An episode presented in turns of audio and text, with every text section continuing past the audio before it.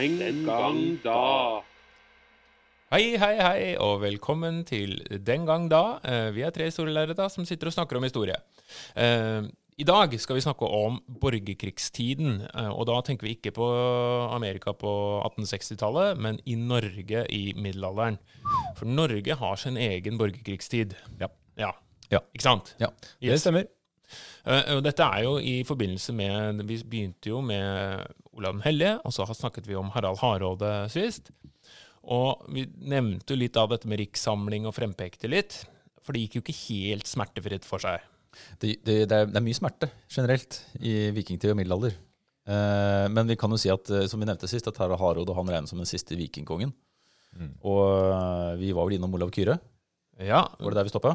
Vi stopper vel på Olav Kyrre, ja. Olav Kyrre, eh, han eh, altså ja, etablerer Bergen, uten at de skal holde det imot den. Eh, og han, og han eh, grunnlegger, bygger kirker over eh, ja, det langstrakte land. For vi er jo en tid Fredelig tid. fredelig tid Ja, mer eller mindre fredelig tid. Og det er jo fortsatt altså, Vi snakker jo om overgangen vikingtid, middelalder. Ja. Med at det er mer altså, rikssamling, men Norge blir mer samla som en stat. Kristendommen selvfølgelig eh, etablerer seg, og bydannelsen i stor grad blir mer og mer Ja. uh, fremtredende. Og det er jo liksom derfor man skiller mellom vikingtid og middelalder i norsk Mm. historie. Eh, Ja. Fordi det, sant, I europe, europeisk sammenheng så begynner jo middelalderen mye før Ja, på 500-tallet til 1500, mens i Norge så begynner den rundt 1000-tallet. Uh, og det er nettopp de tingene. Men det er jo viktig å påpeke dette er ikke ting som skjer over natta. Nei. Dette er jo en gradvis prosess. Dette er en, en, en smertefull prosess, som vi var inne på. Og det er jo det litt vi skal se på nå, og da kanskje primært dette med rikssamlingsprosessen og etableringen av den norske eh, kongemakten og Norge mer, altså, mer som en stat. Ja. For den nasjonale, moderne staten er jo, tar jo lang tid, men mer som en stat. Grunnen til at man kanskje liksom velger ut flere konger og sier at ja, her er Norge samla til ett rike, her er den kongen all makt og sånn, er jo at man, man, som du sier, stadig vekk ser tendenser til at Norge blir litt mer likt en moderne ja, moderne og moderne, men litt mer moderne stat. da. Ja. Men at eh, det endelig ikke skjer noe før ja, kanskje etter den perioden vi skal snakke om i dag. Nei. Og det også Kongene på den tida her, også lenge etter eh, Olav Kyrre, er jo fortsatt avhengig av å reise rundt. Det er fortsatt ikke noe Altså Man kan snakke konge av Norge, men eh, i mange lange perioder så deler man kongeriket mellom seg gjennom flere personer, og det er ikke noe sånn fast kongssete. Der sitter kongen, og dit drar du, fordi kongemakten er avhengig av å konsolidere fortsatt. Ja, og på samme måte, altså I føydale strukturer i Europa hvor det er, det er lokale lensherrer som styrer, og så er det ulike vasallforhold og sånn. I Norge også er det lensherrer som på en måte styrer ulike områder, lendmenn. Og så er det jo viktig å tenke at det er den lokale på en måte herskeren som er i, for de folk flest. da. Ja. For bøndene, for som, for kjøpmennene, for de som er bare til stede, så er jo de de, de er jo den myndighetspersonen de forholder seg til, og kan mer eller mindre styre litt sånn som de vil. Det er jo ikke et byråkrati i litt sånn som vi får tenke på i dag med en mo- Nei. moderne nasjonalstat. Og det er lange avstander, infrastrukturen er dårlig, man har havet, men det kan jo kun seiles eh, når det er greit vær og, og sånn, og det er jo ikke alle som har muligheten til det. Så, så, så det er på en måte Det er ikke et moderne statlig Nei. apparat, men det er på vei til å bli noe som ligner. Ja. det krever enormt med ressurser å ha et statsapparat som, som kan fungere på en sånn måte at man ikke trenger å reise rundt. Ja. Det er rett og slett Men vi må komme oss eh, Fordi Olav Kyrre han er jo sønn av Harald Hardråde.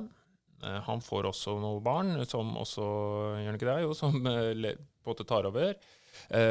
Og så er det noen samkommedømmer, og så er det en som heter Magnus Bærføt, som eh, får også flere barn. Og det er en eh, samkongedømme mellom hans, eh, altså Øystein, eh, Olav og Sigurd. Ja. Men det er jo Sigurd vi skal, fordi han var heldig å leve lengst av de tre. Ja, Han levde litt lenger enn de andre. Det er flaks. Men, Og det er jo kanskje et navn som noen kjenner, eh, altså Sigurd Jordsalfare. ja, Jordsal, ja. Hvor er Ja, det? Nei, det, det er Jerusalem. Eh, og det betyr jo hvor Altså det sier litt om hvor han dro. Eh, han dro til Jerusalem. Eh, og bare, bare for å forklare det her, altså han, var, han er samkonge med brødrene sine. Men eh, at man Når vi skal snakke om borgerkrig i dag, så er det greit å liksom ha den bakgrunnen også at samkongedømme jo hadde vært vanlig. Og at det egentlig bare var en fordel med tanke på det du sa i stad, Jørgen, om at områdene er store. Det er vanskelig å ha kontroll over hele Norge. så Derfor, derfor var det liksom hensiktsmessig å ha, ha en bror som kunne styre et annet område enn deg. Og selvfølgelig så fordelte man roller litt. eh, Kanskje da, altså, da man dro til jordskjalv, da, for eksempel, så var det kjekt at noen var igjen her og passa på mens du var borte. Eh, så samkongedømmet i den perioden fram til borgerkrigene eh, var ikke nødvendigvis prega av konflikt alltid. Det er ikke sikkert at du var gikk på skinner alltid, men i hvert fall ikke stor konflikt. Nei, og bare for å tidsfeste dette litt, eh, Sigurd Jorsalfare han var jo konge fra eh, 1103 til 1130. Ja. Og vi sier med hans død er jo da liksom borgerkrigstida begynner. Ja, For det er de syv siste årene av jordskjelvfarers liv at han sitter aleine eh, etter at brødrene hans er døde, begge to. Og han, eh, og han er jo da ja, egentlig den første på Nei, ikke den første, men han, han markerer en, en litt eh, en annen, en annen retning fordi han er aleine om makta. Ja. Uh, Han er en interessant fyr. da. Vi jo ta litt om hvem han var. Eh, Han, Av navnet så tilsier jo det at det viktigste han gjorde, det var å dra til Jerusalem. Og det kan jo kanskje være sant. Han dro ifølge Snorre, da, som er vår kilde til dette, vi har diskutert Snorre før, eh, så var han på reise mellom 1108 og 1111. Mm. Enkelt å huske det årstallet. Eh, Reiste sørover med 60 skip. eh, Rundt 6000 mann, sier kilden. Eh, Dro innom England, Frankrike, Spania og Santiago de Compostela og kom til Jerusalem i 1110. Og Der eh, hjelper han da den samtidige kongen Baldwin, den første av Jerusalem, bl.a. eh, kjemper i Libanon, inntar en by som heter Sidon. Eh, og her blander man også inn eh, det hellige målet her, da, fordi han eh, blir lovet en flis av Kristi kors for å hjelpe Baldwin, og den lover han tro ja, hellig å ta med seg hjem til Nidaros og putte i kong Olavs grav. Og så lover han videre at han skal etablere et erkebispesete i Norge. Med samme måte som Hardråde, som dro server og tjente seg rik, så gjorde nok også jordsalfaret det til en viss grad. Ikke så rik som Hardråde. Nei, men det er jo viktig, og også på den tiden her, så er jo en viktig eh, del av de som gidder å bli med. Ja. De gjør det jo ikke av liksom plikt, og, og, og de gjør det fordi de ønsker å få noe igjen. Ja, og, de, og, de, og han skaper seg også et navn, da. Åpenbart at det er en del av den æren og den tyngden han må ha som, som konge. Tror du noen gjorde det bare for å få litt uh, forandring i klimaet? Det, det ser godt meg, det er varmere godt nedover der. Ja, Hvis du hadde eksem, f.eks. Hvis du kommer, ikke sant, du er vokst opp i Viken eller et eller annet sted i Norge, uh, Trøndelag, og du, Mm. du har jo ikke sett annet. Det er jo ikke sånn at du får noe informasjon utenfra omverdenen, bortsett fra liksom kanskje noen handelsmenn som kommer og forteller om andre steder. Mm. Uh, Så når du drar nedover Oi, her var det godt og varmt. Ja. Mm. Mm. Det må må ha jo være en ja. opplevelse. Palmer og greier. Ja. Ja, ja, nå var det litt varmere her også på den tida enn det er nå. Men, uh, Ikke palmer. Nei, det var ikke palmer, nei. Men, men eh, rimelig eksotisk, da. Altså, det tar jo flere år å dra. Folk aner jo ikke de, Du sender sannsynligvis ikke så mye postkort hjem.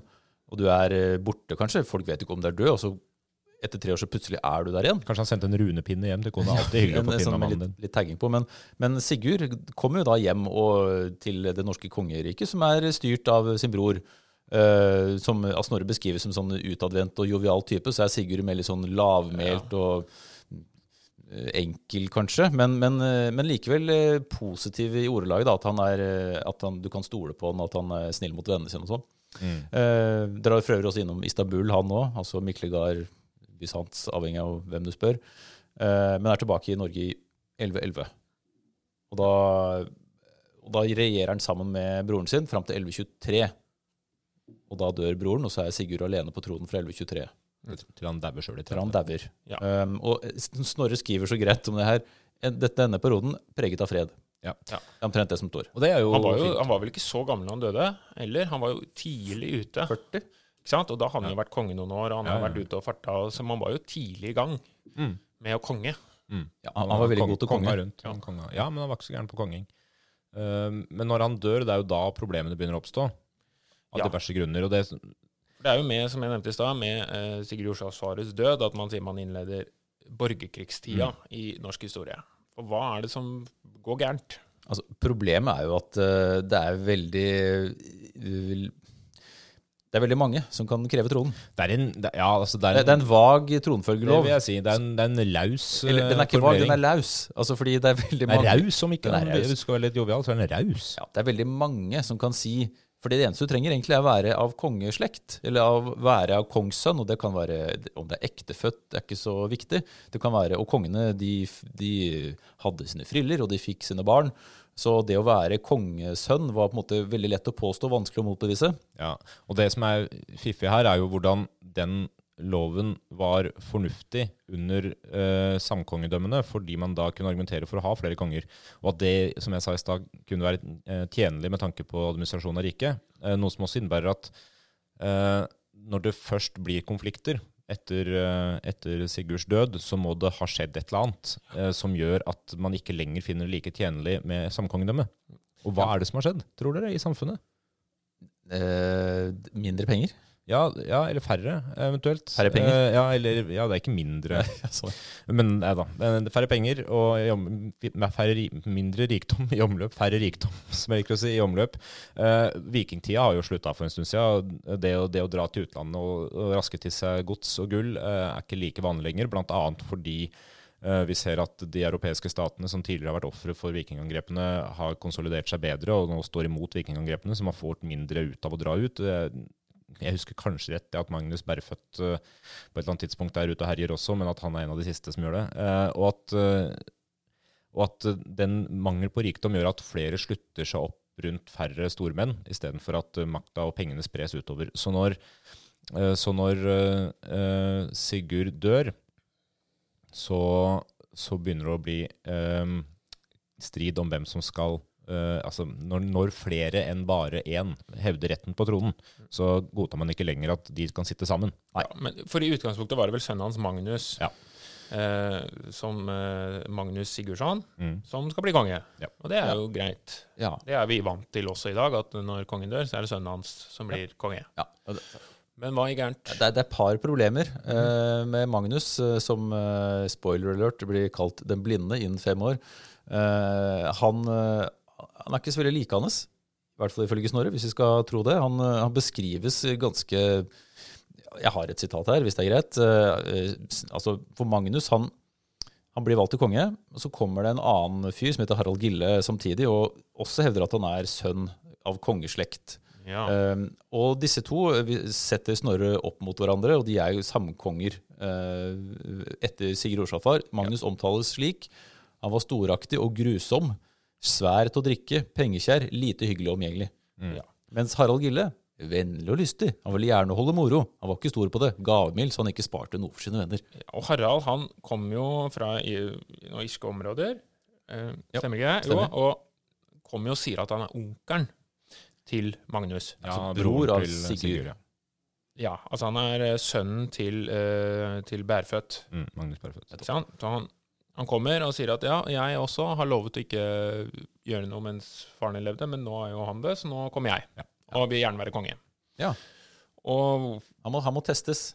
ja, fordi det er jo spørsmålet da, ikke sant? Da kommer han og sier at jeg vil være konge, jeg er av kongsslekt, og, og da kan jeg også ha rett til å være konge. Og og så har vi jo ikke noen DNA-profiler og muligheter er til å sjekke det. så hvordan sjekker man det, om han er, virkelig er den han sier han er? Smerte. Ja, ja. Uh, altså, Gud eh, Gud er viktig i dette samfunnet, eh, og da finner man ut at eh, eh, Gud skal få lov til å fortelle vitnene om denne mannen er sønn av kongen, eller bror av kongen, eller avhengig av hva han hevder. Og det gjør han ved at han får lov til å gå på noe glødende jern. Ni stykker. Og, ni, ni glødende jern. Og el, hvis de sårene ikke har hvis de ikke utvikler seg sår, eller de har grodd fint i løpet av tre dager, eller noe sånt, så, så har Gud da bevist at denne mannen er den han hevder å være. Mm. Det er, veldig, det er en kjekk greie da, at du kan sette din lit til Gud. Og angivelig skal Harald Gille da ha gjort dette her og bestått ildprøven, eh, eller glødeprøven, og, og ble godtatt, da. Ja, for etter tre dager så hadde han ganske Altså han må ha hatt noen sinnssyke træler under beina da, som gjorde at det der gikk bra. Men etter tre dager så ser beina hans flotte og fine ut. Har vi lært deg bærføtt da, gå mye barføtt Ja, er og bli, bli herda under beina? Jeg hadde en farfar som hadde insistert på å ha grus overalt. Eh, ikke inne, for guds skyld. Men eh, ja, og han, han, altså, vi ungene hata jo å gå rundt på hytta, for eksempel, for det var jo grus og vondt å gå. Men han hadde jo, så, han hadde jo så harde føtter. Det var ikke noe problem for han. Det vondeste er én stein på hellene når du tråkker på den ene. Eller legokloss. Lego ja. Det, Men, men dette sier også litt om bildet man hadde av kongeembetet. Altså som utvalgt av Gud. Ja. Gud skal vise hvis du, hvis du er av kongeslekt, så er det noe eget med deg. Det er noe utvalgt, det er noe spesielt. The chosen one. ikke sant? Du kan vise med en sånn jernildprøve at du klarer å, å trosse helt vanlige altså, smerte, og Gud velger deg ut og, og helbreder deg og gjør deg bra igjen. Som et bevis. Det, ja, og det skal jo sies at videre i den perioden her så ser vi også nett- nettopp hvordan det, altså kongens forhold til, til kirken og til religionen uh, utvikler seg. Uh, det kan vi komme tilbake til, men, men allerede her er det jo ja, etablert en idé om at, eh, om at kongen i gradvis større grad utover her styrer på Guds nåde, eller kirkens nåde. For det er jo også satt spørsmålstegn ved altså, om Harald Gille faktisk var av kongeslekt. Ja, og det, er- det er helt selvfølgelig helt umulig å vite. Det gjelder, så, Eh, det gjelder jo så mange her. Eh, Men eh, hvis- vi tar liksom historien videre her, da, fordi Magnus og Harald Gille de, de bestemmer seg for å dele kongeriket igjen, så her er vi nok et samkongedømme. Og det fungerer greit i noen år, tre-fire år, eh, helt, til, helt til Magnus samler hæren sin og går mot Harald Gilles der, der Harald Gille er. Angriper Harald. Harald rømmer, kommer seg unna. Eh, så går det ett år til, og så er det rollene snudd på hodet. Da angriper Harald Magnus i Bergen. Eh, og Snorre beskriver det på en sånn måte at eh, vennene hans de stikker vel av. ja, bytter side eller stikker av. Ja, og, og forsvarssystemet som Magnus har etablert, det blir hans egen, eget problem, for han får ikke stikke av fordi han har brukt kjetting rundt havna osv. Så, videre. så Harald fanger da Magnus, Mm. og, og sørger for at han blir Magnus den blinde. Ja, han farer hardt med Magnus, ja. ifølge sagaen. Uh, blinderen, eh, Lemlesteren. lemlesteren, eh, gjelleren, altså den kastrerer fyr. ja, og kapper av det ene beinet. Ja. det er, Og, og låser den inn. Og låser den inne. Så, så Magnus er um, Han er um, ute av drift. Skulle tro i hvert fall det, eh, en stund. Ja, Han blir rett og slett uh, tatt fange, blindet og kastrert og, og, og kutta lemmer. Og det er jo en forferdelig skjebne. Ja, det vil jeg si. Eh, også i, ja, kanskje også til og med i datidens øyne, så er det ganske brutalt. Hvis jeg, hvis jeg skulle kunne velge, så hadde jeg valgt å ikke bli blindet og gjelda. Ja. Det, det tror jeg. Ja, så da er det Harald Gille som styrer framover, da? Eller hva? Levde du lykkelig alle sine dager? Altså, hvis vi, hvis vi skal se på kongerekka, så er den ganske, den er ganske innholdsrik. Uh, og Harald Gille han, eh, han sitter uh, i hele ett år til, etter 1136. Eh, da, og da står neste konge på lista, og det er Sigurd Munn. Ja, hvem var det? Det, skal, skal vi hoppe elegant over Sigurd Munn?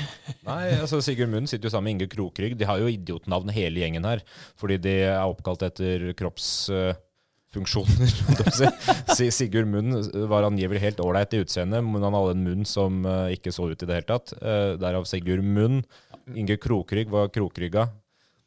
Med, ja, og Sigurd Munn han er konge fra 1136 til 55, sammen med Inge Krokrygg. Ja. Så har vi nok et samkongedømme, så, fordi Krokrygg setter seks år lenger enn Munn. Og ikke nok med det, vi har også Øystein Haraldsson, som er den tredje kongen som sitter sammen med disse fra 1142 til 57.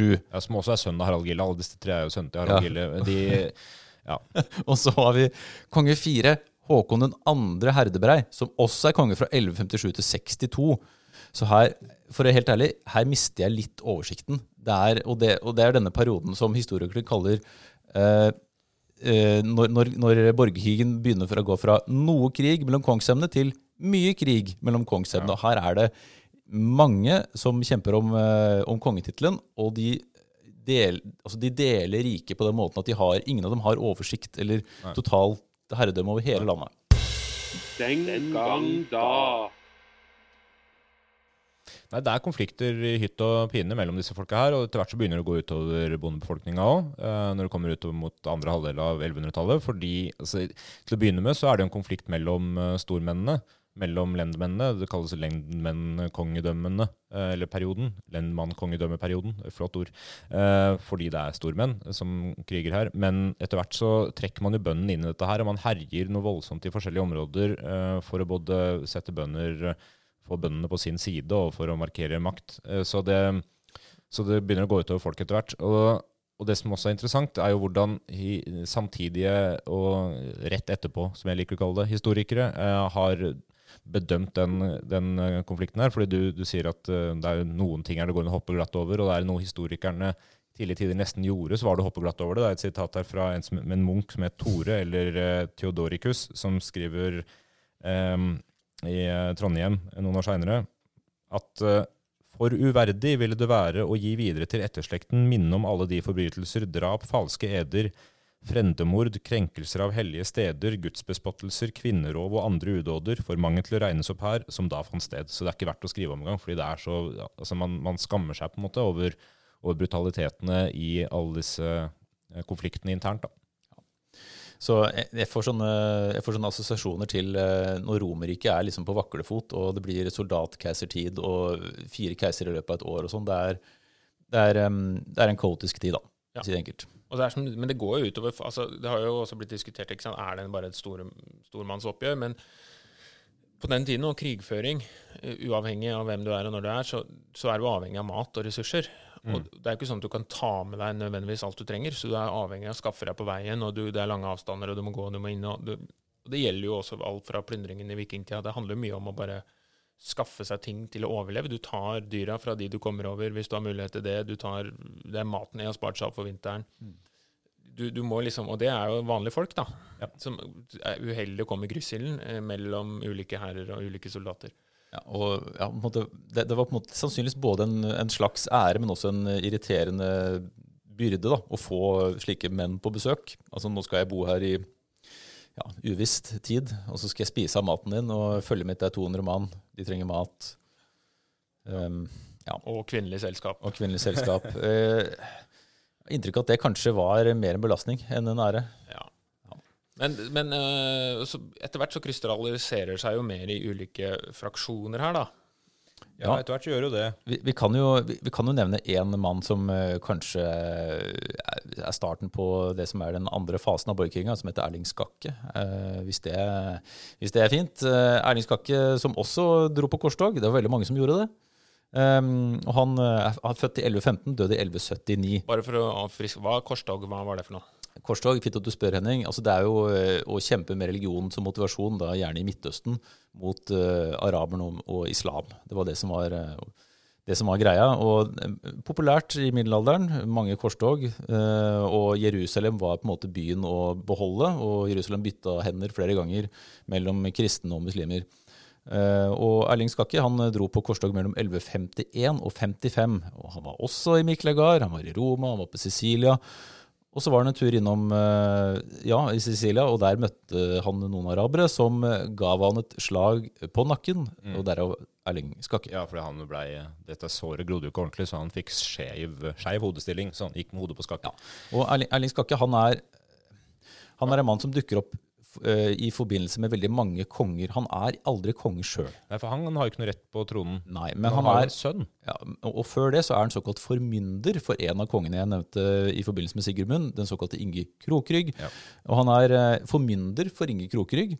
Eh, men på et tidspunkt, i nærmest sagt 1161, så får han plassert sin egen sønn, Magnus Erlingsson, på tronen. Og da er Magnus Erlingsson et lite barn. Han er vel fem år gammel eller noe sånt. Uh, og da er Erling Skakke i praksis Norges konge.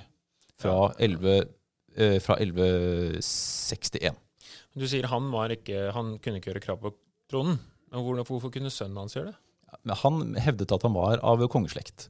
Og for øvrig da, Erling Skakke han var jo, Mors, ja. Altså, ja, Erling Skakke var for øvrig gift med en av døtrene til Sigurd Rorsdalfare. Så Erling Skakke var jo inngifta i kongeslekt. uten ja, at det... Men det er jo via den koblinga at han hevder eh, sin sønns rett til tronen. da. Uh, Erling Skakke er jo også i den heldige posisjonen nettopp pga. giftermålet med Kristin, at han også da er inngifta i familien til den danske kong Valdemar, som Kristin er i familie med. Uh, og her, uh, Vi trenger ikke gå så mye inn på det, men her, men her er også roten til en del fraksjoner seinere som gjør at Erling Skakke også får støtte fra danskene, som gjør ham mektig. Ja, og Han er såkalt lendmann. Altså Han er en som altså, hvis Et slags middelalderbegrep, da, hvis dere bruker det. En, en, slags vasall. Han er en som forvalter områder på vegne av kongen. Eh, direkte under kongen. Så eh, Erling Skakke han er en som snor seg eh, gjennom maktsystemet her, og får mye makt fordi han er flink til å manøvrere seg, men også fordi han klarer å rent familiært påberope seg gjennom sin sønn at han er en som i praksis kan styre. Uh, ja. Mm. Så levde du lykkelig alle sine dager? Ja, det er Nei, ferdig der, da. Jeg, jeg, jeg, liker å trekke inn her kirkas rolle, fordi noe han gjør som er litt sånn snurrig med tanke på at sønnen hans hevder retten til tronen uten å være kongssønn, så, så, får jo han uh, via, med denne sønnen endelig, endelig valgt til konge, så får han med seg kirka eh, på en eh, ny spenstig altså forløper til det som senere blir en tronfølgerlov. Nettopp det at eh, det kun er kongens ektefødte sønn eh, som skal kunne, eller en ektefødt sønn, da, eh, som skal kunne bli konge. Ja, og Fordi da tenker han at da kan han sikre sønnen sin og hans etterkommere makta. Og det tar litt tid før denne loven kommer, det kan vi komme tilbake til mot slutten. Men, men det er interessant i det samspillet her mellom eh, konge og kirke. For det er jo noe som man også ser i Europa for øvrig. At eh, ofte er det kilde til konflikt. Kirken er en maktfaktor. Og hvordan man klarer å samarbeide med kirken, er ofte, eh, eh, ofte en viktig del av å få makt som konge eller keiser. Og vi ser også at i årene før dette her, på 1150-tallet, så har det blitt innført et erkebispesete i Norge eh, for første gang. Erkebispesete i Nidaros, som innebærer at Norge har et eget eh, Som, eh, som Sigurd lovte han skulle gjøre. Ja. Nettopp. En egen erkebiskop som ikke er underlagt av erkebiskopen i Lund eller i eh, Bremen, eller noe sånt, eh, men en egen en. Det er mange grunner til det her, som både er, har interesse for Norge og for pavemakta. Vi trenger ikke komme inn på det. I tillegg altså, ser vi også hvordan samme periode er prega av konflikter internt i den katolske kirka, der du har motpaver og sånne altså paver som, som er uenige med hverandre, flere paver på en gang, som krangler om makta. Så, så det som skjer i Norge, må jo også eventuelt ses i lyset av disse konfliktene her, da, når, når den norske kongen og, og kirka etter hvert også havner i konflikt med hverandre. Ja, og så bare For å komme tilbake til Magnus Erlingsson, altså denne, denne barnekongen, som er da sønnen til Erling Skakke. Han er også den første kongen som blir kronet Ja. av kirken. Nettopp. Og dette her, er, som jeg sa i stad, dette her blir jo da en interessant, interessant retning for det norske kongedømmet, fordi man får en, en kongsmyndighet som i større grad ses i sammenheng med, den, med det religiøse idealet ikke sant? og det europeiske eh, politikken. Styre på vegne av Gud. Men, eh, men eh, på den tida, altså, vi går over måte fra den første fasen av borgerkrigen um, til en periode hvor, hvor det sitter én konge på tronen uh, i over 20 år. altså han, Fra 1161 til 1184. Men på veien her så kommer det jo en annen eh, Ja, for han får vel ikke sitte helt alene, fordi det er jo en som heter Sverre også, som kommer inn her. Ja, og han, eh, han er jo den store utfordreren da, Sverre Sigurdsson, eh, som omtales bare i norsk historie som kong Sverre. Ja. Det er jo tryggest antageligvis, i og med at etternavnet er høyst usikkert. Det, Fordi han Det- hevder, hold dere fast, at han er kongesønn. ja. Eh, og han, han, eh, han vokser opp på Orkenøyene og skal da angivelig ifølge sin egen saga, som han var med å diktere selv, eh, komme fra Orkenøyene i 1176. Han sier jeg har et sitat, kan jeg ta det? Ja, gjerne. Han, eh, han, han er en retoriker av rang, kong Sverre. Han, eh, han Etter at Magnus Erlingsson dør, så holder kong Sverre en tale da i eh, 1184 der han sier Gud sendte ute fra utskjærene en liten og lav mann for å styrte deres overmot, og den mannen var jeg. Ikke tok vi det av oss selv. Det var Gud som viste hvor lite det kostet ham å styrte deres overmot. Det, det han legger fram, både i den talen og i disse tekstene som er skrevet om ham, og i alt mulig etterpå, det er, det er at han er en sånn underdog-type som kommer og slåss mot en veldig mektig konge i Magnus Erlingsson. da, Og at han likevel klarer å slå han. Og grunnen til at han klarer å slå han, er fordi han har Gud på sin side.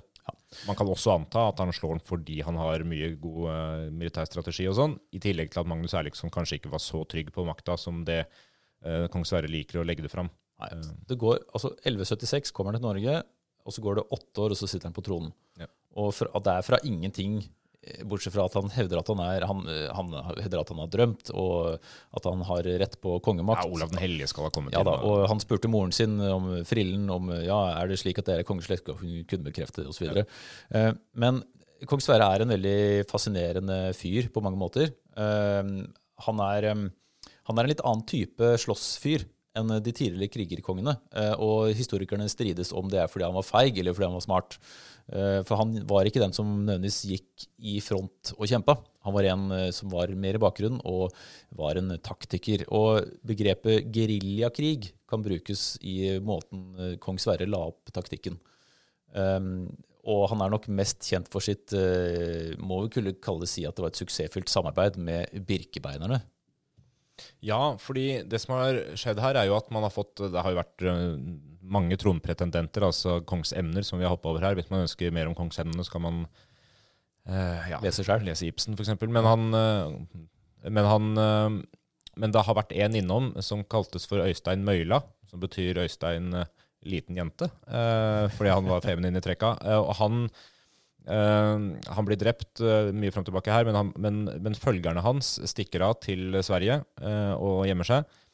Og blir utsulta, og klærne deres blir revet i filler, så de må surre på seg noen sånne bjerkenever rundt føttene for å holde varmen. Og får da spottenavnet bjerke, eller birkebeinerne. Eller birkebeinene. Og når eh, Sverre da kommer til Norge eh, og Sverige, så eh, hooker han opp med, disse, med denne gruppa, som da sitter der uten en leder. Og han blir leder, og han blir en veldig tydelig leder for denne gruppa, som han tar med seg videre, og de vokser seg sterke. Og, um, For Da, får du, da kommer jo den konflikten som kanskje mange kjenner. Eh, det er sikkert eh, kanskje noen som har gått et skiløp. Arena til Lillehammer, ikke sant? Birken. Har dere gjort det, eh, eller? Har dere gått Fordi ikke sant, Finanseliten som går eh, på ski og er opptatt av smøring og, og skiteknikk, ja, Mm, mm. kan jo knyttes til det som skjer videre her. det kan vi. En liten omvei bare, for det her er noen år seinere. Men, eh, men Birkebeinerne er jo en eh, fraksjon som gjennom Sverres ledelse blir en maktfaktor, og som gjennom to slag setter Sverre på tronen. Først i 1179, slaget på Kalvskinnet. Jeg som har bodd i Trondheim, syns det er veldig gøy, fordi Kalvskinnet er et bydel i Trondheim.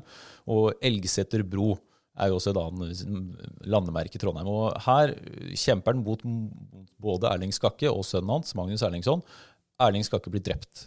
Magnus Erlingsson overlever dette i 1179. Så går det fem år, og så møtes eh, Sigurd igjen eh, med Magnus i 1184 ved slaget ved Fimreite, og her vinner han. Mm. Og etter dette så er Sverre Norges konge, Ja. kort sagt. da. Og måten han gjør dette på, er liksom litt ny krigstaktikk. Magnus Erlingsson binder skipene sammen, som Snorre skriver, mens eh, Sverre fyker rundt i en lettbåt og kommanderer fra baksiden. Det høres helt absurd ut. Sånn optimistjolle. som Ja, ja, men, men eh, og tar på en måte de ytterste skipene én for én. Uh, istedenfor å binde sine skip sammen og gå mot. Og eh, lykkes. Og eh, sagaen, som han jo er med på å forfatte selv, da, omtaler dette som en slags taktisk genistrek. Og man kan jo si at det lykkes i hvert fall, for i 1184 så er han konge. Erling Skakke er borte. Magnus Erlingsson er borte. og han er konge med, med sånn relativt safe i noen år. Eh, Men han er jo i konflikt med andre grupper, da, fordi det vi ser under kong Sverre, er jo nettopp konflikten for med kirka, ja. som i mellomtida jo har vokst seg sterk. Eh, stadig mer landjord på kirkas hånd. De Sant. har uh, tuska til seg, ikke tuska til seg, unnskyld, de har inngått avtale med f.eks. Magnus Erlingsson, og, og som, som tilsier at kirka skal, skal bestemme over uh, sine egne affærer. De skal uh, uh, ja, bestemme over kirken, over presteinnsettelser osv. Kong Sverre er vel ikke enig nødvendigvis i det, for han ønsker enda mer makt. Ja, og her er vi jo på det Henning eh, antyder, da, altså med altså Birkebeinerne kjemper mot flere fraksjoner som, eh, som opponerer mot kongemakten, men det er baglerne vi først og fremst forbinder som hovedfienden til Birkebeinerne. birkebeinere. Baglene oppkalt etter eh, bispestaven. eh, og, og, og vi får disse to tydelige fraksjonene. Men, men eh, kan ikke du svare på spørsmålet til Henning, da, endelig, om eh, Birkebeinerne og koblinga til, uh, Jo. til skirennene?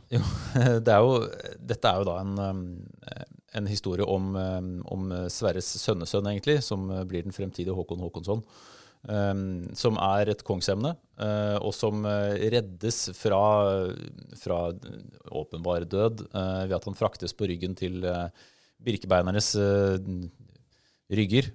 Rygger av rygger. uh, over fra Arena til Lillehammer. Og dette er uh, dette er jo det som er årsaken til at uh, disse finansmennene går på ski, også med en liten sekk på ryggen som skal tilsvare Håkons vekt, Mm. ca. 3,5 kilo. De hadde gode vekter den gangen òg.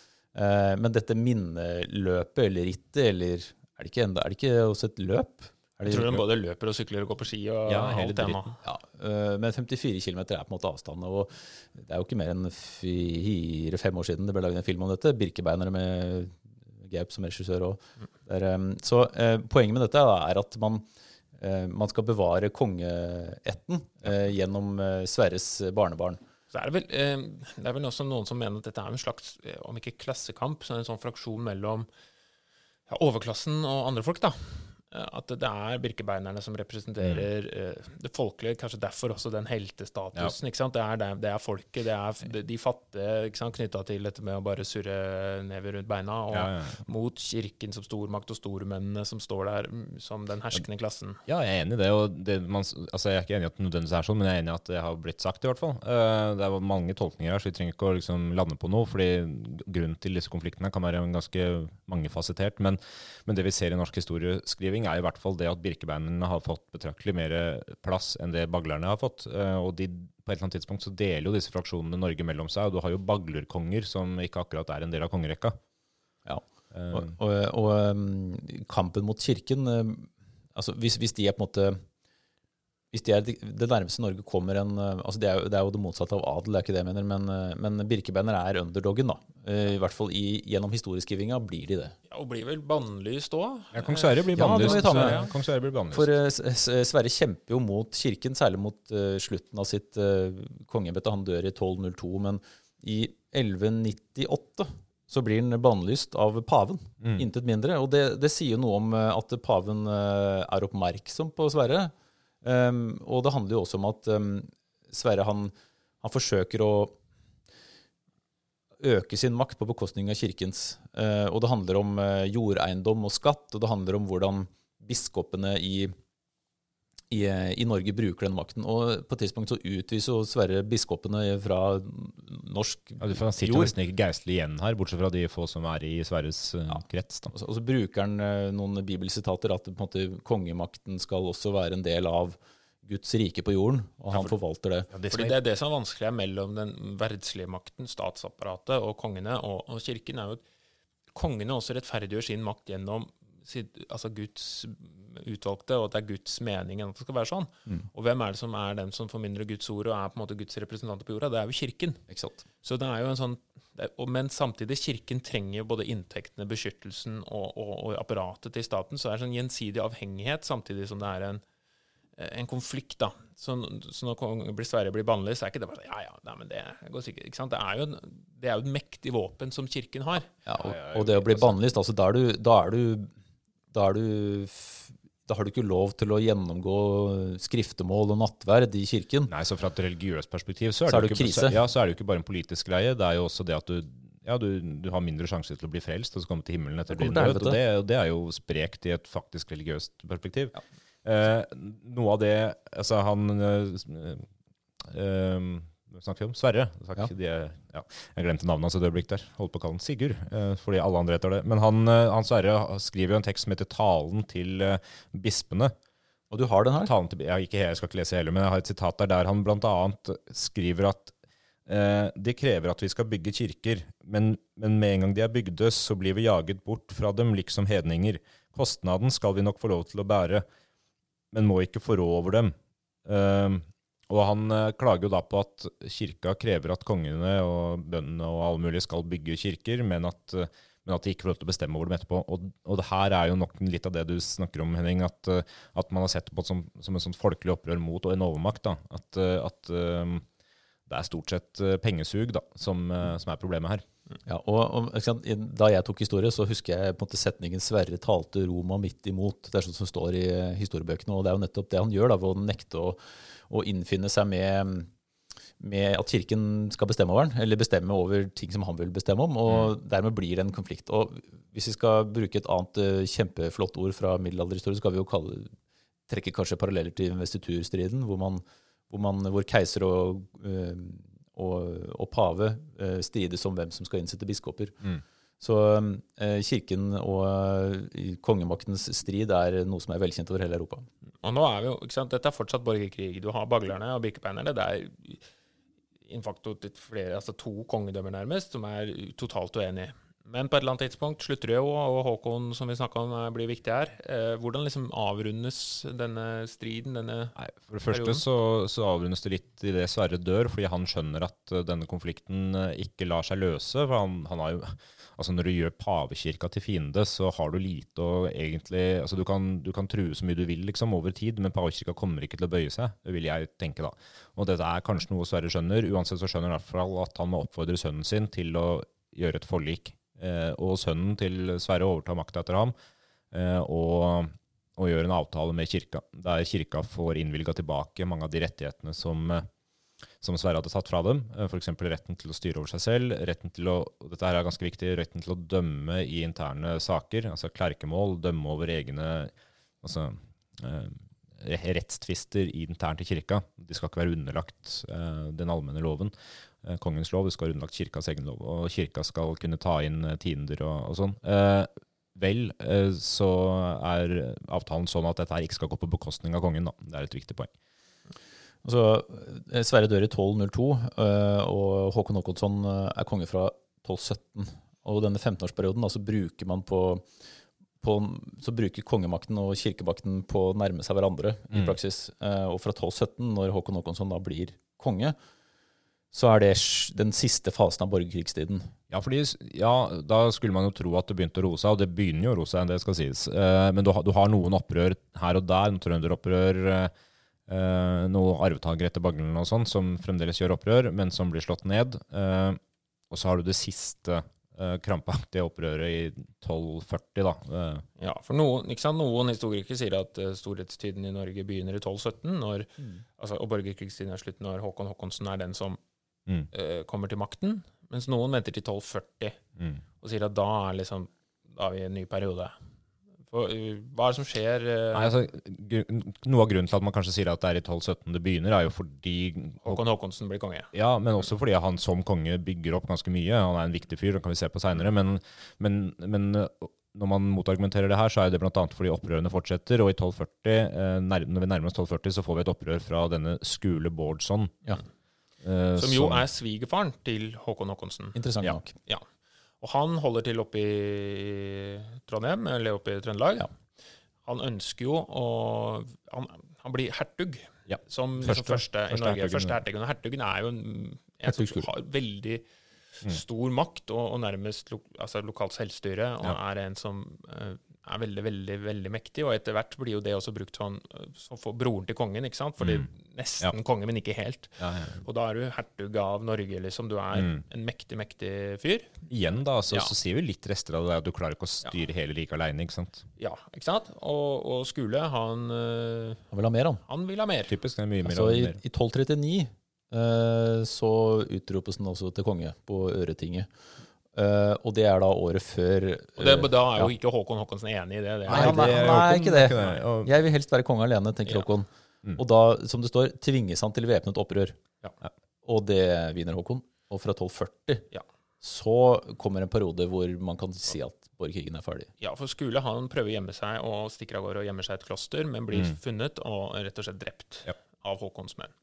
Uh, og da, fra 1240 òg, så er jo kongemakten mer eh, Da blir det ikke noe tvil om at det er kongen, den ene kongen, og han skal være konge. Og da går vi inn i det som kalles norsk storhetstid Ja. i, i, i norsk historieskriving. Mm. Eh, så det er jo det vi skal snakke mer om neste gang. Yes. Yes. Og da kan vi jo røpe hittil at eh, det, det viktigste for meg er at eh, Håkon Håkonsson eh, han er fra Østfold. Det, han er fra Eidsberg. Er det. Ja. Så, så det, det er det jeg gleder meg Og til. derfor det var vanskelig å få den ut til, til tronen. Ja, altså det var langt. Det var langt, og ikke, folk liker jo ikke Så vi skal snakke mer om han neste gang, og konge, kongsgjerningen hans. Men nå er vi liksom over en Altså fra en meget kaotisk periode med veldig mye kongsemner og samkonger og Ja. folk som er enige og uenige, og de slåss, og det er ikke måte på. Jeg er sliten, jeg. Så Det det er, eh, det er det- mange det er navn mange og navn. mange sånn og mye tilnavn. kan jeg spørre dere, hva hva er den, hva er den største forskjellen på før og etter borgerkrigstida? For, der, for deres del. For, meg, for min del du, altså, du nærmer deg Norge som en stat, da.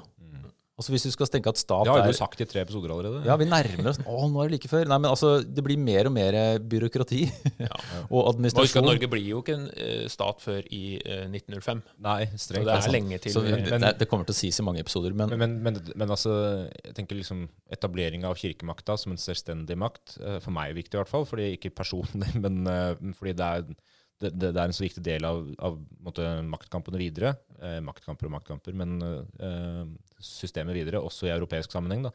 I tillegg til at eh, kongens individuelle makt eh, blir veldig tydelig, særlig under Håkon Håkonsson. da. Eh, kulturoppbygging og sånn, men også, også det der, hvis du ser liksom på hvor mange hender som hadde rikdom fordelt mellom seg i de tidligere tidene, hvor, hvor stor endring det har skjedd etter borgerkrigstida, der, det er det der med fravær av uh, samkongedømme. Mange av adelsfolka, det hevder i hvert fall noen historikere, at mange av adelsfolka har dødd, og med det dør også da uh, egentlig adels- eller aristokratisystemet i praksis, uh, sånn som det så ut før, i hvert fall. De, de, I hvert fall så kan vi si at aristokratene i mye større grad enn tidligere er underlagt kongen. Da. Så de, er, de, de styrer på kongens nåde, omtrent som det kongen styrer på Guds nåde, i motsetning til tidligere, der de var mer selvstendige. Og kongen eier sjuke mengder jord sammen med kirka. Kongen eier 7% av all jorda i Norge, og det er mye. uh, Så, så, ja. så kort fortalt, det å være konge er noe annet etter borgerkrigstiden Ja. enn det det er før. Og, og så det, altså, som vi skal inn på neste gang, da, men norsk storhetstid er betegnelse som kom på 1800-tallet når man ønsket å Mm, søke tilbake til røttene for å Ja. legitimere Norge som en egen stat. Mm. Så at Når var det Norge var virkelig en stat, og hvorfor kan vi si at Norge skal bli og bør være en egen stat også Ja, i det moderne verden? Ja. Så eh, vi, jeg gleder meg med til å snakke om det. Ja, det blir bra. Eh, norsk storhetstid, eh, altså neste gang. Og videre over i middelalderen. Og så må vi spørre deg, da, Hans, har du dagens ord i dag, da? I dag har jeg et ord. Eh, I dag, Du har nesten anklagende i stemmen der. Jeg har glemt det et par ganger nå. Så det er med rette, da. Ja, ja, du har med rette, ja. ja. Dagens ord er helt uh, frakobla fra temaet, okay. eh, tror jeg. Eh, jeg kom ikke på noen som er oppkalt etter noe av dette her. Noen konger. Eh, dagens ord er pupil. Pupil. Ja. Fordi ordet P, er, eller bokstaven P er så fin å si i mikrofonen. Pupil. Pupill. Eh, Pupill. pupill. Det Ja. du har i øyet, altså. Eh, den lille i midten eh, av øyet. Altså ikke elev, altså. Nei, det henger nok sammen med det òg, men det, det er nettopp det som er fint med opphavet her. Og det her, fordi dette har vært en veldig konfliktfylt eh, episode, i hvert fall eh, i, blant mellom oss, så, så er, det, er det fint å få et litt rolig ord på slutten her, som er fullt av kjærlighet og, og drømmer. Ja. Eh, ja, Ordet pupil kommer fra latin og betyr egentlig dukke eller liten jente, omtrent som møyla for øvrig. Eh, og og har sitt navn fra det faktum at når du ser inn i øynene til en annen, så ser du deg selv i bitte liten figur i deres øyne. Ah, så den lille figuren eller lille dokka du ser i øyet til den personen du ser deg, er ditt eget gjenskinn. Det er altså opphavet til ordet pupil. Ja, Vakkert. Ja, men da får jeg si takk for det. Eh, takk for nå, og ha en fortsatt fin dag til alle dere som eventuelt skulle høre på. Ha det bra!